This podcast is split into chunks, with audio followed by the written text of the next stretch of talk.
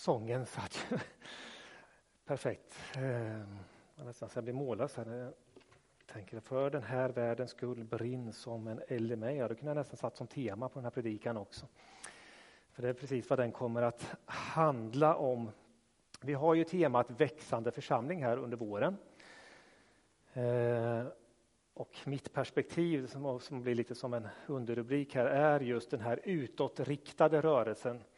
Alltså en växande församling som når människor i vår tid. För den här världens skull. Ja. Lena läste den här texten ifrån Apostlagärningarna och den fick jag liksom lite på köpet i veckan när vi var samlade i, i hemgruppen. För då läste vi just den här texten i hemgruppen eh, och samtalade lite grann utifrån det. Och så tänkte jag men det här stämmer ju väldigt väl in också i de tankar som jag har burit på kring inför den här söndagen. Alltså bakgrunden i det här sammanhanget var ju att församlingen i Jerusalem hade utsatts för förföljelse. Eh, där liksom det judiska ledarskapet på olika sätt ansatte då de som hade blivit kristna. Eh, och till och med då att man hade dödat bland annat Stefanos. Då. Eh, och det här gjorde att många av de här första kristna i, i Jerusalem lämnade staden och gav sig liksom ut till olika delar av, av världen då runt eh, ja, i närområdet. Här. Det räknades ju upp i texten, då, Feniken och, och några hamnar bland annat i, i Antiochia. Och det som är lite spännande och intressant i, i perspektiv till, till det temat som växande församling är för vad gör de här människorna? Man skulle ju kunna tänka sig att ja, men här har man blivit utsatt för förföljelse, man eh, hotas till livet, vi flyr för våra liv, nu gäller det att ligga lågt. Eller hur? Nu ska vi inte utsätta oss för några risker här. Utan nu ligger vi lågt tills det har lugnat ner sig. Nej, utan här kommer människorna ut och var de än kommer så predikar de och förkunnar frimodigt evangeliet. De berättar om det de har upplevt, trots att de redan har hotats till livet. Men det kan ändå inte hindra dem. Och där de gör det på de här olika platserna så kommer människor till tro. Och det börjar växa upp nya då, församlingar på de här orterna. Så det blir en, en växande församling som börjar i Jerusalem och den fortsätter ju att växa trots förföljelsen också i det, men också på de här orterna. Då. Eh, så, eh, så sker det här en, en tillväxt. Människor kommer till tro. Sen lite spännande också tänka i, i just Antiochia, den här sista meningen som var i textsammanhanget där, att det var i Antiochia där de som nu var troende först kom att kallas kristna. Och I vår hemgrupp hade vi ett samtal också kring det här att vara kristen, alltså en identitet som kristen. Nu tror jag att de troende redan hade det, men man får också en benämning på sin identitet som kristen. Alltså att tillhöra Kristus. Eh, och det här var ju inget nytt fenomen att man benämnde, vi möter ju det på andra ställen i Bibeln. Eh, när Jesus går omkring, man pratar om liksom herodianer till exempel. Det var de som på något sätt höll sig till Herodes. Och det finns liksom olika såna här rörelser och man benämns. Och så småningom här och med start i Antiochia så får även de kristna, då, de som trodde på Jesus, en benämning. Och det var ju i och för sig de utifrån som kom att kalla dem, men det är en benämning som vi ju fortfarande bär med oss. Vi identifierar oss som kristna. Ja, det här var en församling som nådde människor i sin eh, tid. Vi har ju en vision i församlingen här. Eh, vill hoppa fram där. Eh, som jag hoppas att vi är väl bekanta med, de flesta av oss. Vi vill se fler människor beröras av Jesus, växa till och bli mer lika honom. Eh, och det finns ju flera dimensioner i den här visionen som handlar om, om växt. Och vi har mött några av dem i tidigare predikningar här under våren som kanske mer har handlat om vår inre växt, men också hur vi liksom genom den blir rustade för att också eh, nå ut. Men mitt fokus blir på den här kan säga, första delen. Vi vill se fler människor beröras av Jesus. Tittar vi historiskt sett så, så, har ju församlingen här och på många orter runt om i världen så har ju liksom haft olika perioder där man har nått ut till människor och det har varit på kanske lite olika sätt och metoder. Eh, jag har knappt själv varit med om en del av de här, men jag känner ju till och hört berättelserna, har läst om dem, om de här stora väckelsekampanjerna som, som har varit med tältmöten och dörrknackningar och man har stått på torget kanske och sjungit och det har varit allt möjligt. Eh, och det har säkert varit lite varierande med, med, med resultat, men, men det har ju ändå lett till för att många människor har kommit till tro via de här kanalerna. Det är ju ingenting som vi kanske gör idag då.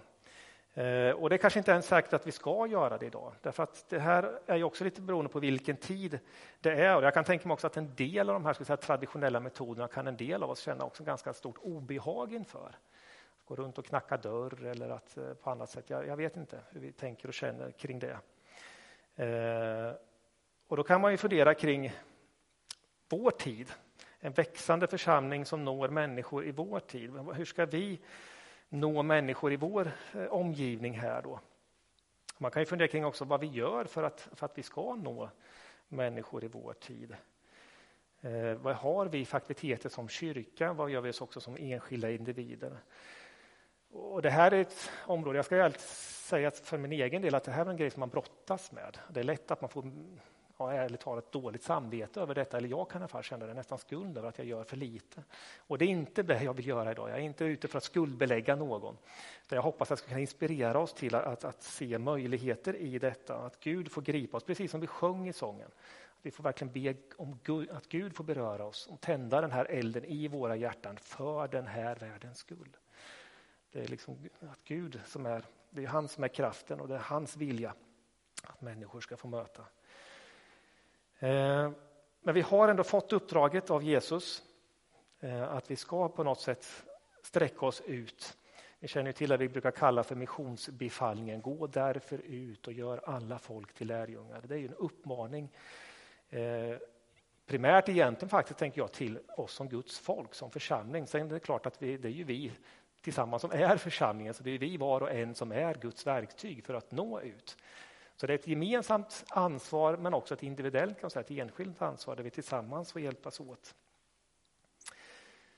Vi hade ju en församlingsafton i januari, där säkert flera av oss var med, eh, där vi fick se lite bilder som Petra delade om man tittade just eh, Brokyrkans första tio år sedan vi slogs samman då för tio år sedan. Och det var ju lite intressanta siffror. I stora drag var det väl ungefär så att det var ungefär samma medlemsantal i fem år. Eh, vi låg där någonstans lite drygt 130 medlemmar och sen för fem år sedan så, så har vi fått ganska många fler. Så idag är den sneglar ner på Petra, det blir drygt 150 tror jag, medlemmar. Eh, och det är ju jättefantastiskt, vi är tacksamma för det. Men samtidigt ska vi vara ärliga och erkänna att merparten av den här tillväxten är ju faktiskt genom inflyttning. Alltså redan, människor som redan har en tro som har valt att komma med i vår gemenskap och det är vi oerhört tacksamma och glada för. Eh, men vi har ju också en längtan att nå människor som ännu inte känner Jesus. Att de också ska få beröras av Jesus och så småningom kunna bli lärjungar och växa till och bli mer lika honom. Eh, så.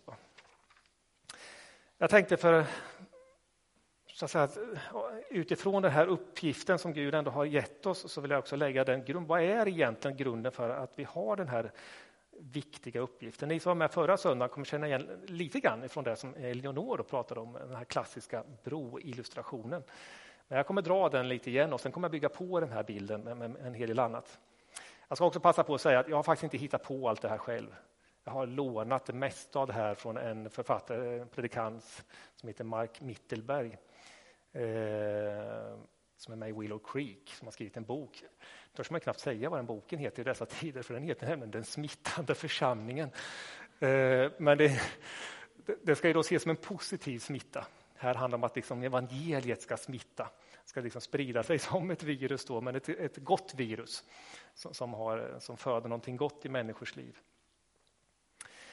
Och grunden för den här uppgiften som vi har fått som Guds folk, det är ju just detta att alla människor är så oerhört värdefulla för Gud. Gud får här symboliseras av ett hjärta.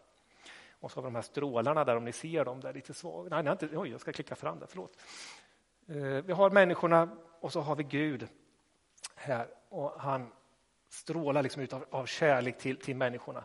Och Bibeln lär oss att från allra första början så fanns det, nu står visserligen människan med ryggen vänd här, men det var, var ju tvärtom, att människan var ju faktiskt vänd mot Gud. Det fanns en fantastisk härlig gemenskap mellan de första människorna och Gud.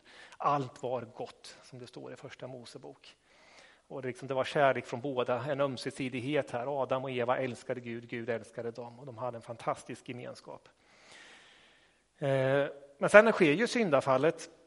Eh, men innan vi tar just den här bilden, så, så, så, så kärleken från Gud den finns ju hela tiden där till, till, till människorna. Eh, och, och, ett väldigt tydligt uttryck för hur oerhört mycket Gud älskar oss människor. Det är ju det som sammanfattas i det vi brukar kalla ibland för lilla bibeln, Johannes 3 och 16. Så älskade Gud världen att han utgav sin enda son.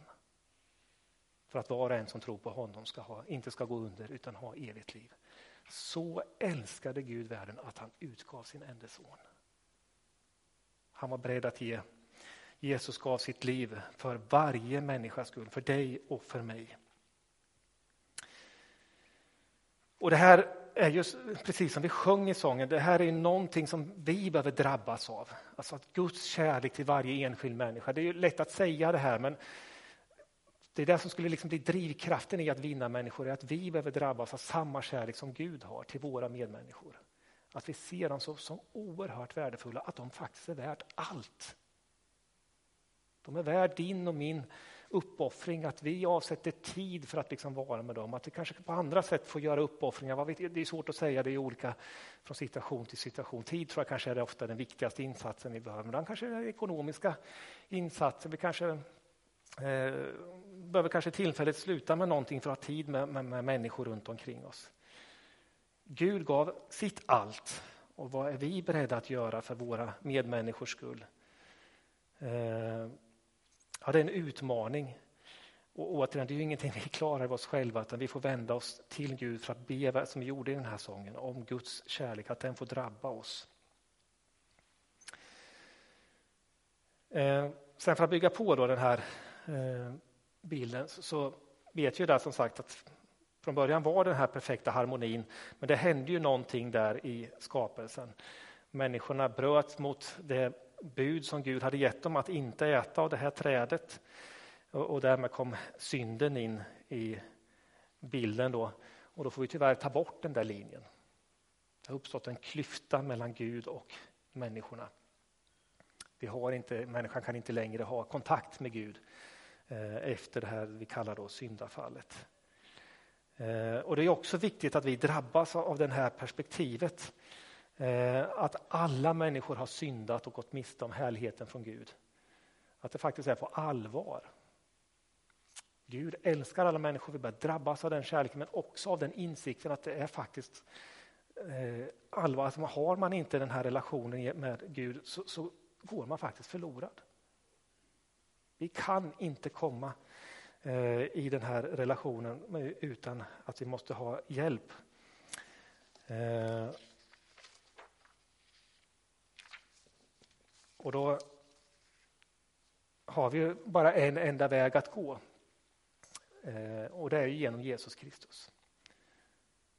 Gud har ändå gjort det här möjligt. Det var en klyfta, människan kan inte ha en relation med Gud på grund av synden. Men Gud har öppnat den här vägen genom att Jesus Kristus dog på korset.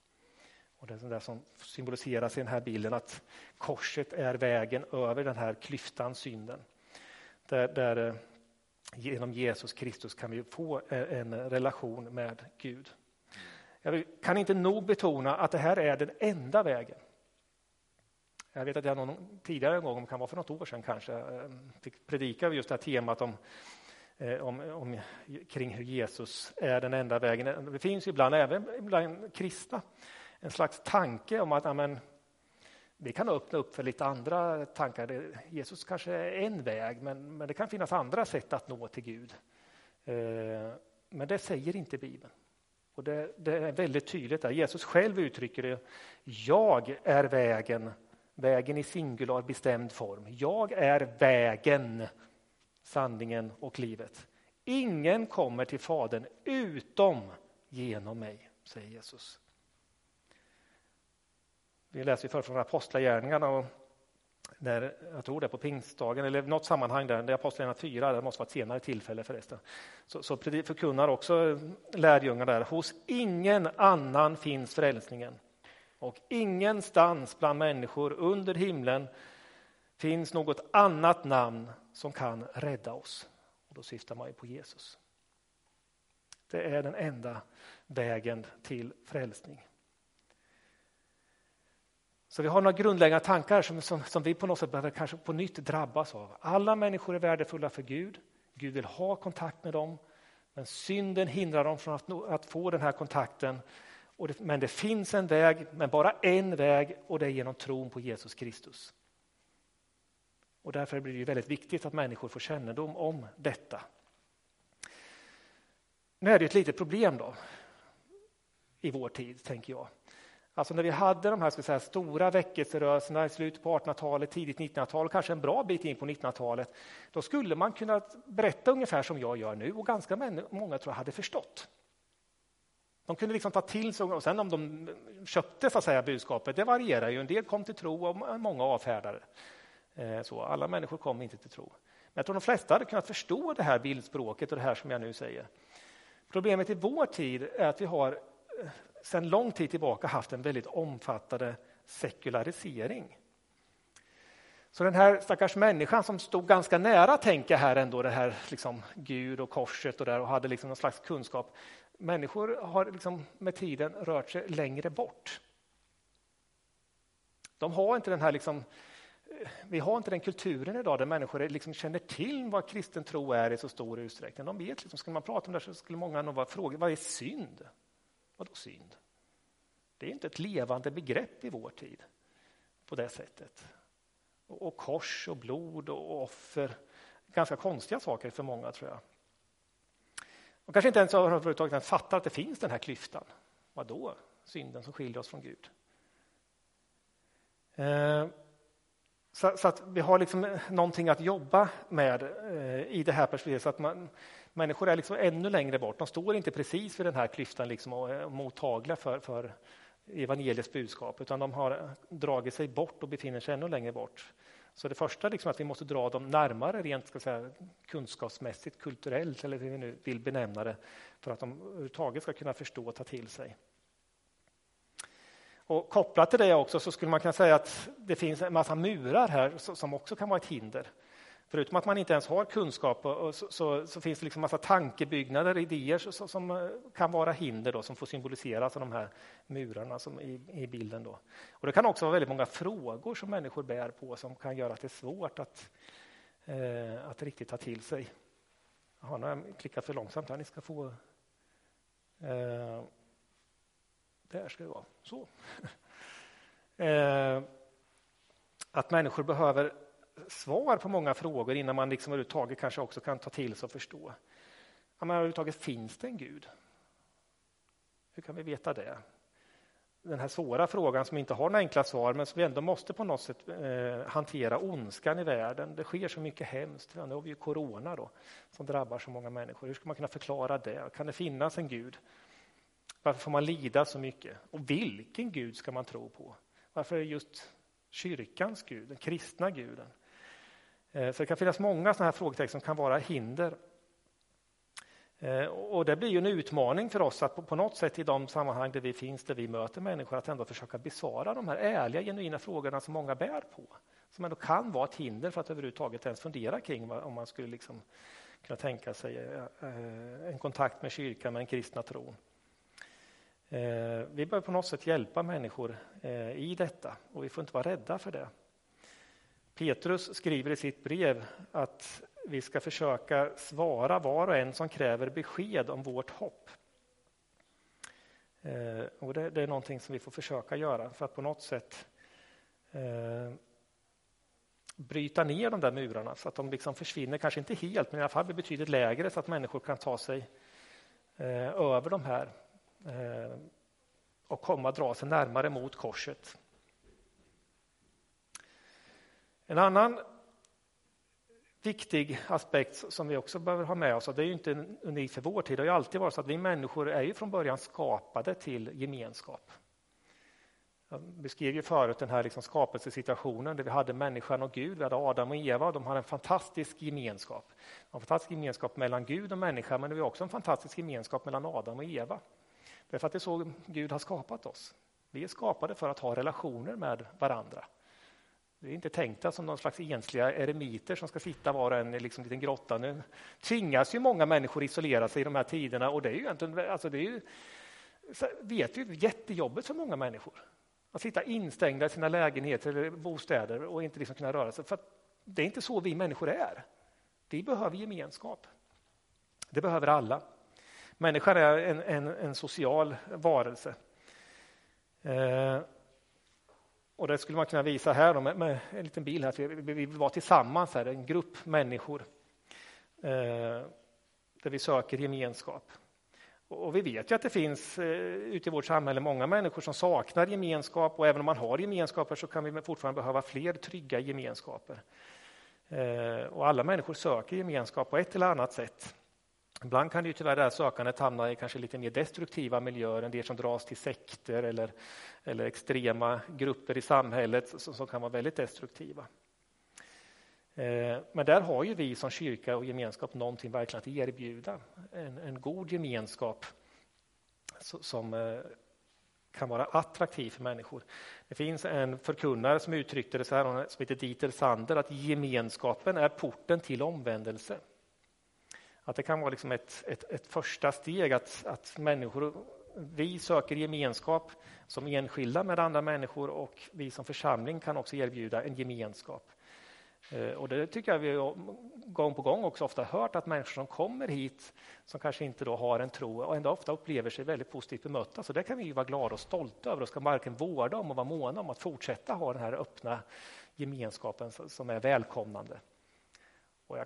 Tron är väl kanske också att det också har bidragit till även då de som redan har en tro som har valt att gå med i vår gemenskap, att det bottnar väldigt mycket i att man känner att det är en öppen och varm gemenskap här. Eh, och en välkomnande gemenskap. Så det är ju, det är ju en, en, verkligen en tillgång som vi har som, som kyrka, församling. Så gemenskapen är viktig och, och det är ju verkligen någonting vi kan eh, erbjuda. Men så var det ju det här med, med eh, sekulariseringen men också med, med, med kulturen. Och människor behöver en kulturell relevans. Eh, jag läste då som sagt i den här boken och där berättades om, om Hudson Taylor. Jag vet inte hur många som känner till honom, men han var en av de tidigaste missionärerna i Kina. Och det beskrivs där hur han verkligen gick, eh, för att använda uttrycket, all in. Liksom. Han gick in totalt för att verkligen försöka kulturanpassa sig. Han försökte liksom klä sig och bete sig och vara som de här människorna. Han fick mycket kritik från många andra missionärer som ville vidhålla så att säga, sin västerländska kultur och kulturella uttryck. Men han hade förstått det här att ska man liksom vinna kineser så måste man vara som kineser. Man kan vi inte liksom komma med den västerländska uttrycken och kulturen och liksom tvinga på dem, för det har ju ingenting med kyrkan att göra.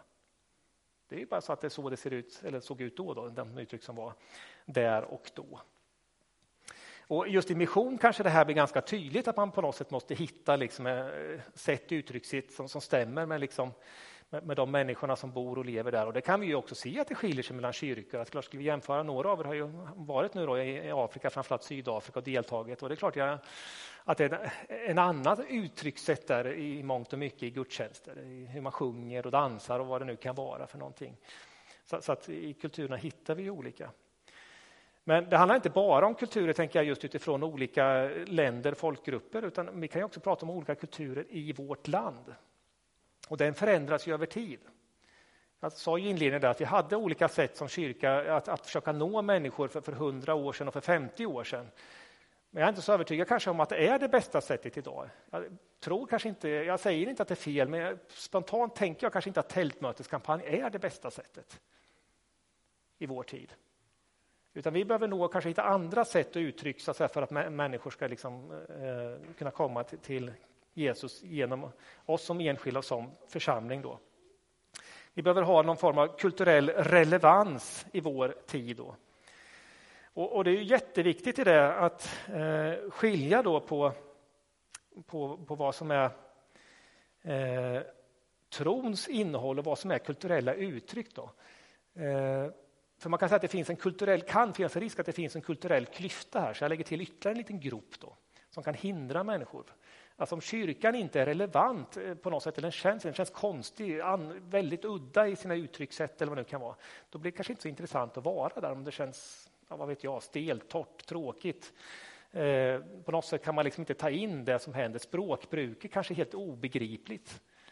Eh, utan på något sätt bör man känna att det här kan, kan nå människor. Vi måste på något sätt hitta sätt att vi kan fylla igen den här kulturella klyftan. Vi var ju några stycken som var lyssnade på Egil Svartdal här för ett tag sedan. Han var i Linköping eh, och hade Dels hade han samlingar på dagen för förkunnare, på kvällen så, så, var det riktat till ledare i olika funktioner, från, allt från barn och ungdomsledare till församlingsledning. Eh, hans fokus handlar i sig om, om att vara en flergenerationsförsamling, men han pratade också om just det här med, med kulturen. Och att vi ibland kanske i kyrkan har blandat ihop vad som är kulturella uttryck och vad som faktiskt är teologi. Det är inte en teologisk fråga om vilken musikstil vi har. Det är ett kulturuttryck. Men däremot vad vi sjunger om, det har ju naturligtvis en teologisk dimension, att det ska vara äkta och relevant och, och hålla sig så till, det, till, det, till, ordet och läran som, som vi som kyrka står. Hur vi klär oss, språkbruk och så vidare. Det är liksom kulturella uttryck. Eh, och här får man ju fundera, jag har inga enkla svar, men det är jätteviktigt att vi, man ändå funderar kring hur, hur är vi relevanta för våra människor idag? Och det kan ju naturligtvis komma lite ibland, i värsta fall, på sig, lite konflikt med vår egen tradition och våra, vad vi kanske är uppväxta med och uttryck. Och då måste man ju fundera kring vem är vi till för? Är det viktigast att det här är precis som jag vill ha det?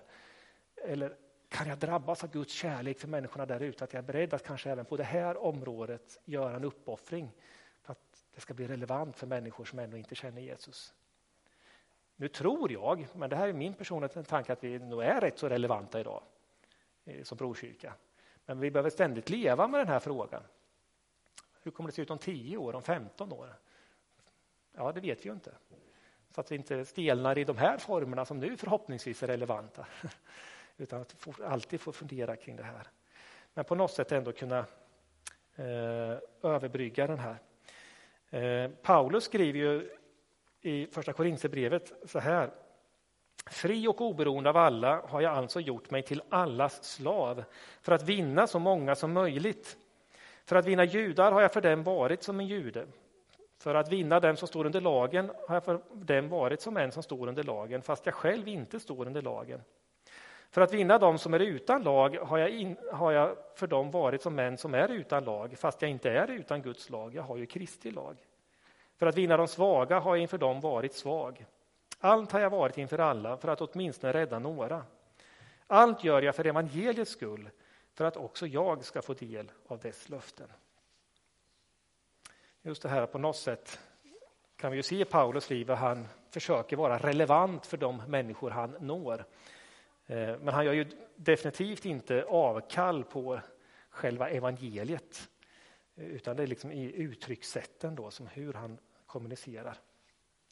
En annan aspekt som eh, också lyfts både i den här boken jag läst och har mött i andra sammanhang också, det är ju att om vi tänker de här väckelsemötena, så, så, som jag har förstått så var det inte ovanligt att väldigt många människor kunde ju avgöra sig där och då. Så en del kunde göra det precis kanske på första mötet de kom till, en del kanske kom på några möten, men det kunde gå relativt fort har jag fått en bild av. Jag vet inte om, jag var ju som sagt inte riktigt med.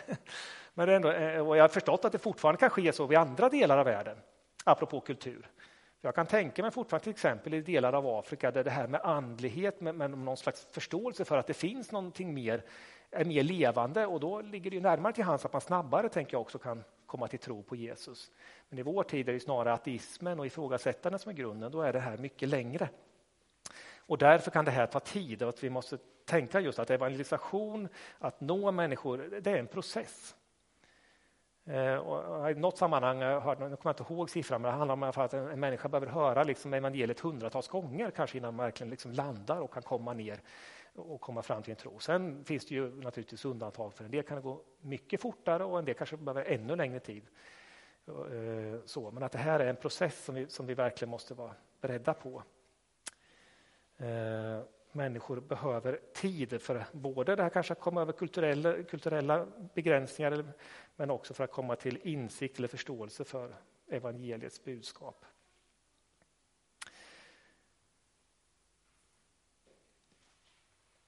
Ja, om vi då funderar kring bara några saker som jag också snappat upp. Då. Vad kan du och jag göra och vi som kyrka? Så är det några punkter här som, som jag ändå vill lyfta fram. Ja, ska vi nå människor så måste vi ha relationer med människor. Eh, apropå det här vad som är relevant i vår tid. Jag, jag tänker mig också att återigen för hundra år sedan, ja då kunde det ju komma via att man satte upp affischeringar så kunde ju människor spontant ändå komma på de här tältmötena. Men det tror jag inte skulle ske idag. Oavsett om vi gör tältmöte eller någon annan typ, kanske mer relevant utåtriktad samling. Vi gör ju det ibland. Men vi ska ju vara ärliga, det är inte jätteofta vi har jättemånga som inte redan tillhör Brokyrkan eller redan har en tro som kommer. Därför att jag tror att nyckeln för att människor ska komma hit är att de har en relation till någon av oss här. Om de ska komma på den där konserten eller på, på den här tacokvällen eller vad det nu kan vara, så tror jag att de gör det därför att du och jag bjuder med dem. Därför att vi redan känner dem. Så nyckeln här är att vi behöver ha människor, och det tror jag alla vi redan har, men att vi behöver fortsätta att, att ha de här relationerna med människor som ännu inte känner Jesus. Eh, och, och, och, vi behöver då lägga tid i detta, att mötas och umgås med, med människor. Och det symboliseras av att den här personen som är kristen, där, om ni ser som tillkom där, behöver flytta sig. Inte befinna sig liksom bara det här utan gå ut, vara bland de andra. Eh, och beroende på hur långt bort den är så behöver vi röra oss där människor faktiskt befinner sig, i de sammanhang där de finns, för att eh, vara tillsammans med dem. Eh, I den här boken jag läste, så, så, så, jag vet inte var den statistiken kommer, men där säger man att ungefär tre gånger så många som kommer till tro gör det just genom enskilda relationer snarare än genom att de deltar i någon form av gudstjänst eller möte. Så att det är genom de här individuella eh, och också då att ofta den här avgörandet kommer i de här enskilda samtalen. Det är där man ber till frälsning. Det är inte liksom i gudstjänsten man går fram för att ta emot Jesus, utan det sker också i de här enskilda mötena när eh, man så småningom är mogen eller redo för att ta det steget och får frågan. Så som sagt, vi som kristna behöver liksom röra oss och finnas där och det är ju precis det vi ser Jesus gjorde.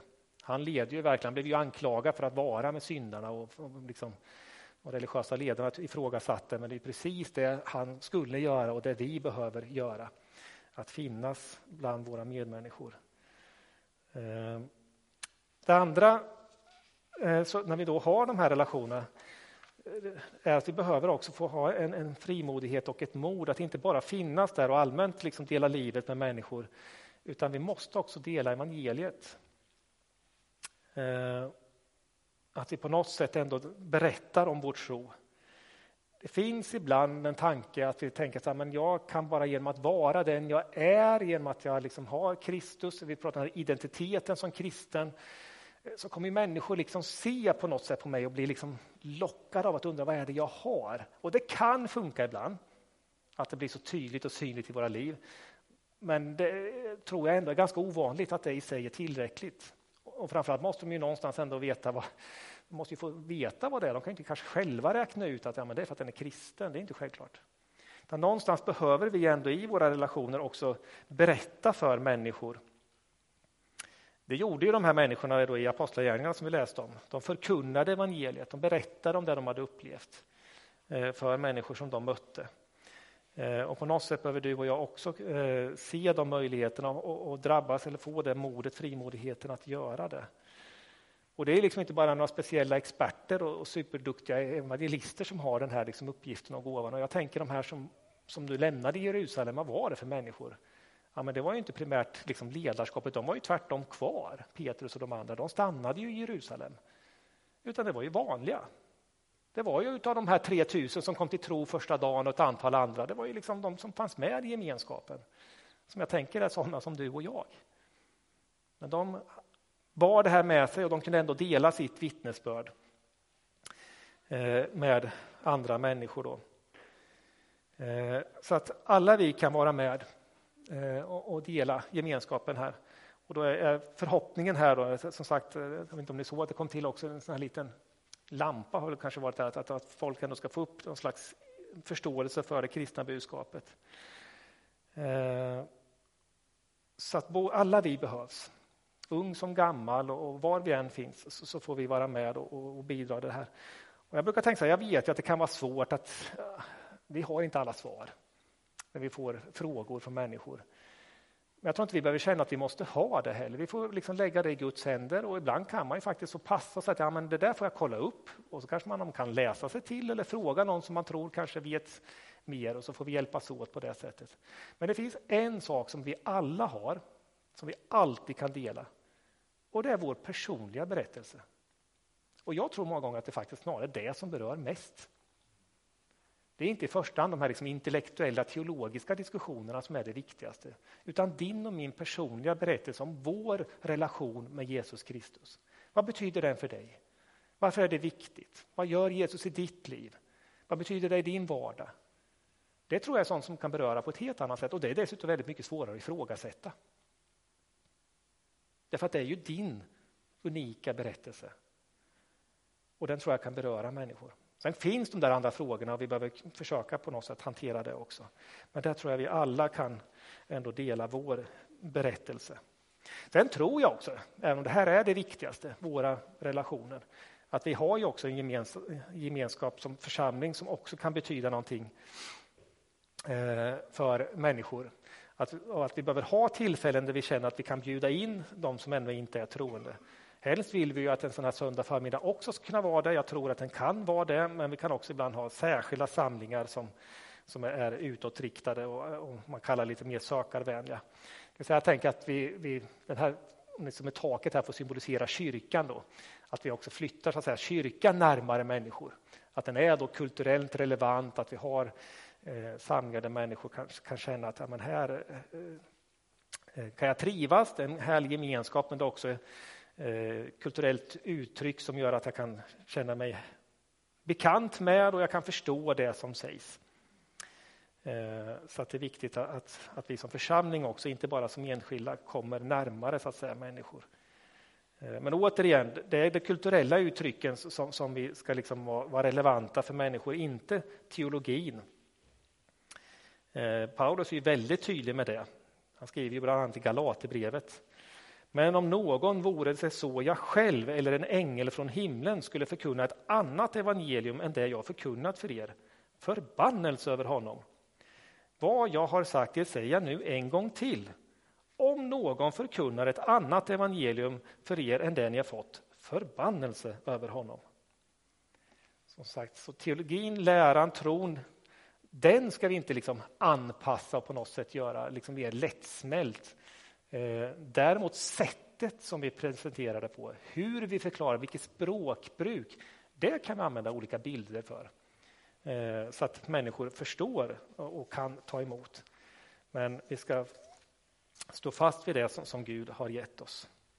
Och då förhoppningsvis så, gör det här då för att börja närma mig avrundningen här av min, min predikan, att sökaren, den som ännu inte tror, faktiskt också kommer in. Jag vet inte om ni såg det, han har inte sett för han klickar fram där.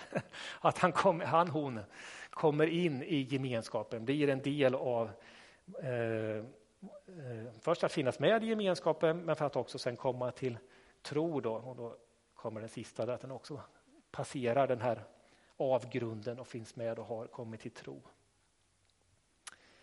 Och att vi som församling får vara en del i det. Ja, det var lite av mina tankar. Och det här kan ju kännas, som jag sa lite grann, en utmaning. Det kan kännas lite tufft att fundera kring eh, men jag vill också ändå runda av med de här, ett antal punkter här. Vi är inte ensamma i det här. Gud har gett oss den här uppgiften, men han har också gett oss utrustningen. Eh, och här är ganska många punkter som eh, men jag tycker det var så härligt så jag ville ta med de här. För vi, vad är det vi har fått, och det här är inte en fullständig lista, för att ändå lyckas med det att nå människor? Ja, vi känner Fadern, Fadern som älskade världen så mycket att han utgav sin enfödde son. Och vi har relation med Jesus Kristus som kom för att söka det förlorade. Vi har den heliga Ande som övertygar världen om synd och som drar människor till Jesus och som ger oss kraft. Och så har vi evangeliet i sig som är en Guds kraft som räddar var och en som tror.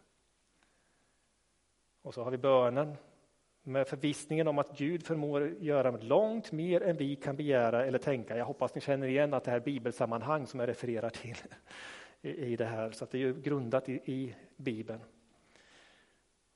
Vi har församlingen som är Kristi kropp och som också på det sättet får vara ett uttryck för Guds kärlek, för Guds verkan och handling i vår tid. Bibeln säger att vi har andliga gåvor som utrustar oss. Och de här andliga gåvorna, som det står i Korinthierbrevet, ska bli till nytta. Och det uttrycks också att vi är till för varandra genom de här gåvorna. och med det också i det utåtriktade. Vi har fått Guds ord som är skarpare än något tveeggat svärd. Vi har också Guds löften som försäkrar oss om hans beskydd, om hans makt och hans omsorg. Och så har vi som sagt missionsbefallningen eller uppmaningen eh, som inte bara är då, man kan ju tycka att det är liksom som befallning, en pålaga, men vi ska också komma ihåg att det betyder också att det är Guds idé från början. Det är Gud som är den som, som faktiskt vill nå människor och vi är hans redskap. Och där finns också löftet att Gud är med oss alla dagar till tidens slut när vi försöker att utföra det här uppdraget. Gud är med oss. Det är inte du och jag som ska göra det i egen kraft. Och på det här sättet så kan vi vara en växande församling som når människor i vår tid och nå den vision som vi har för Brokyrkan. Vi vill se fler människor beröras av Jesus, växa till och bli mer lika honom. Amen. Tack Jesus för att du älskar oss alla så oerhört mycket. Varenda människa, oss som sitter här men också alla människor runt omkring i vår värld och i vårt samhälle här nära oss. Tack för att du har betalat ett så oerhört högt pris för att vinna de människorna, för att de ska få möjlighet att komma till dig. Och tack att vi har fått lära känna dig, att vi har fått möta dig Jesus, så att vi har kunnat komma i en gemenskap med dig. Och vi, vi längtar efter att fler människor ska få beröras av dig, få möta dig som sin frälsare. Jag ber, precis som vi sjöng förut här, att låt oss drabbas av din kärlek för människor. Om insikten av att de verkligen behöver dig. För den här världens skull, Herre. Brinn som en eld i mig, i oss. Amen.